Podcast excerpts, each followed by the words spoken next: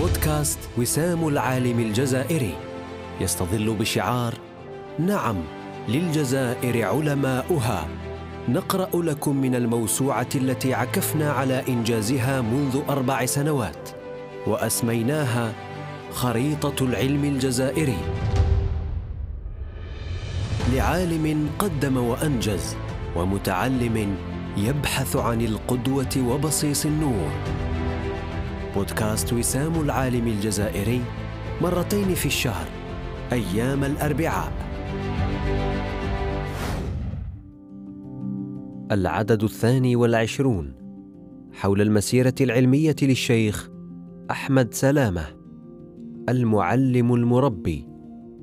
أبنه الشيخ عبد الرحمن باعموري في جنازته بقوله وشهادتنا أيها الإخوة أنه من رجال الله سبحانه وتعالى وأنه من الافذاذ القليلين الذين تفانوا في خدمة هذا الدين وتفانوا في خدمة كتاب الله سبحانه وتعالى. كلنا نشهد أنه كان من طلوع الفجر إلى غروب الشمس بل إلى رتح من الليل عاملا لله سبحانه وتعالى.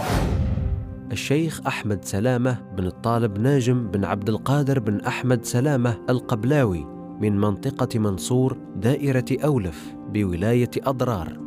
ابن أحد المدرسين والمؤذنين الذين تعاقبوا على المسجد العتيق في تمراست من مواليد 1950 بحي تهجارت بتمنغست زاول تعليمه الابتدائي بداية من سبع سنين على يد والده بمدرسة المسجد العتيق. فتعلم مبادئ اللغة العربية وحفظ القرآن الكريم والمتون كالأخضري وابن عاشر والأربعون النووية والجامع الصغير للسيوطي والبردة في الحديث النبوي وغيرها. بعدها التحق بمدرسة العقيد شابو النظامية بعد افتتاحها سنة 63 ومكث فيها ثلاث سنوات التحق سنة 61 بالكشافة الإسلامية تحت قيادة عبد الكريم تهامي ومولاي محمد برادعي والدعمي وحصل على وسام الأثير في نهاية الستينيات من وزير المجاهدين نيابة عن رئيس الجمهورية. تربى الابن على الوطنية فكان والده باعتباره معلما له يكتب للتلاميذ الأناشيد الحماسية في اللوح ليحفظوها، وكان يخفي تحته الراية الوطنية لأن عيون فرنسا كانت تراقب وتعذب كل وطني متحمس. سمي باسم الشيخ أحمد الفلاني شيخ منطقة تافيرت الذي غادر إلى منطقة المنيعة وتوفي فيها وقد غرس والده فسيلة أحضرها من تافيرت تيمنا به وقال عندما تصلح وتصبح صالحة للإثمار سيكون الإبن أحمد أيضا ومع مرور الزمن ونسيان والده لها هم أن يقلعها. فاتجه إليها الإبن أحمد وهو لا يعرف بالقصة فاقتلع منها الكرناف وبدأ يقتلع لبها حتى خرجت يده من الجانب الثاني وبدأ عصيرها اللاجم يسيل فوضعه في وعاء. وبعد ذلك تركوها على حالها فأخرجت عراجينها. ويقول الشيخ أنه سبحان الله منذ تلك الحادثة في حوالي تسعة وستين بدأ شغفه للعلم يكبر بعد أن فرط فيه نوعا ما. تفريطه كانت ردة فعل لحرص والده الشديد على تعلمه. فكان في بعض الأحيان يعاقبه عندما يصل إلى بئر جنب المسجد العتيق لكن والده بعد ذلك اعتدل في تأديبه وخفف من حدة الحرص على تعليم ابنه واستمر الطالب في تعلمه.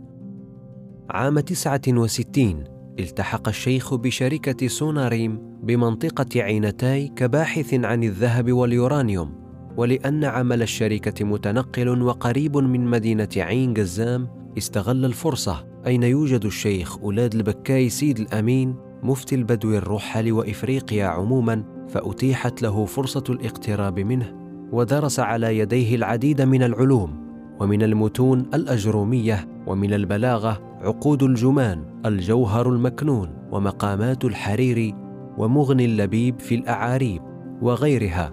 وانتقاله للشغل جعله يعيد التفكير في ذاته فاكتشف الطالب أحمد وأثناء ملاحظته لعلاقته بالناس أن الناس تحترمه بسبب والده المعلم والقائم على التعليم.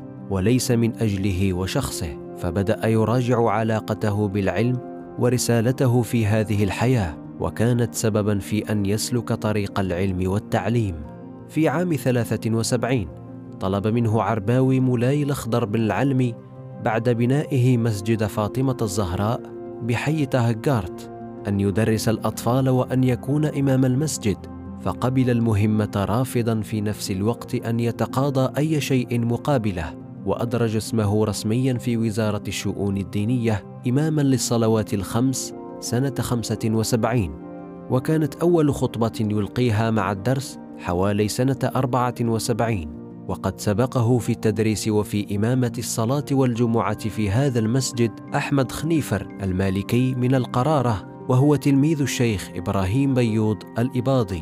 التحق الشيخ سنة 85 بالمعهد الإسلامي بسيدي عقبة ولاية بسكرة بعد مسابقة عن طريق مديرية الشؤون الدينية والأوقاف لولاية تمراست وتخرج فيه سنة 86 بعد التخرج رقي إلى إمام مدرس رقي إلى إمام مدرس خطيب ثم تدرج في الترقيات إلى إمام أستاذ رئيسي.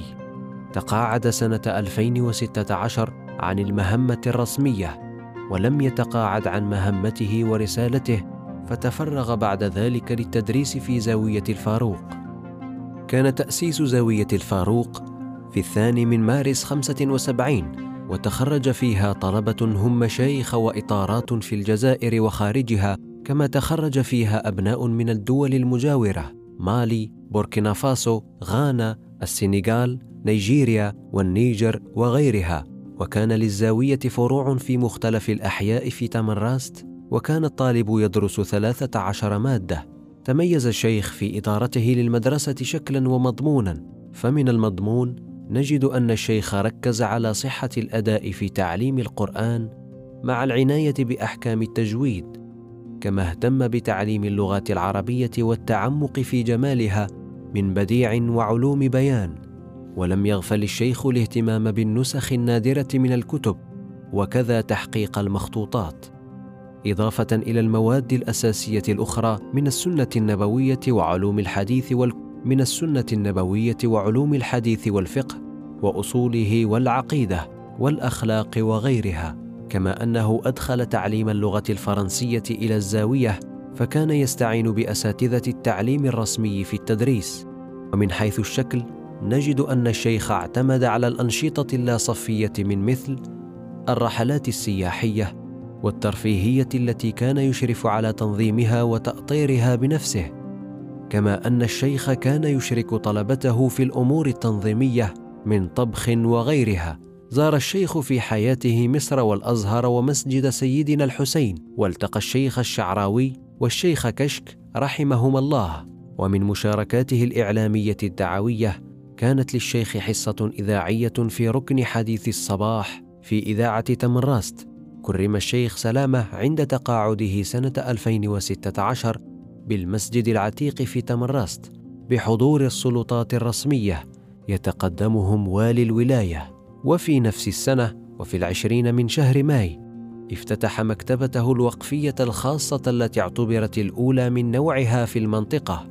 وهي مكتبة نوعية جل ما فيها اقتناها الشيخ من ماله الخاص. فكان يقتني الكتب من داخل الجزائر ومن خارجها عن طريق الطلبة المتنقلين كما تحتوي على جانب من إهداءات طلابه الذين أصبحوا أساتذة في الجامعات ويبلغ عدد المخطوطات فيها 190 وتجاوز عدد الكتب ستة آلاف عنوان. برز دور الشيخ أحمد في زرع القيم الوطنية ومبادئ التسامح والأخلاق الفاضلة. وكان دوما يردد أنه بفضل لواء العلماء تسود الحضارات وترتقي الأمم بفيض عطائهم وجميل صنعهم. إن الجلوس إلى الشيخ أحمد سلامة حول جهود التعليم في تمراست يجعلك ترى الحركية على الخريطة وترى فيها نسب العلم في هذه المنطقة منذ بداية القرن العشرين. فيحيلك إلى المعلمين ويحيلك إلى التلاميذ ولا يترك الفرصة في أن يقدم نصائحه لتجاوز أخطاء وتثمين إنجاز.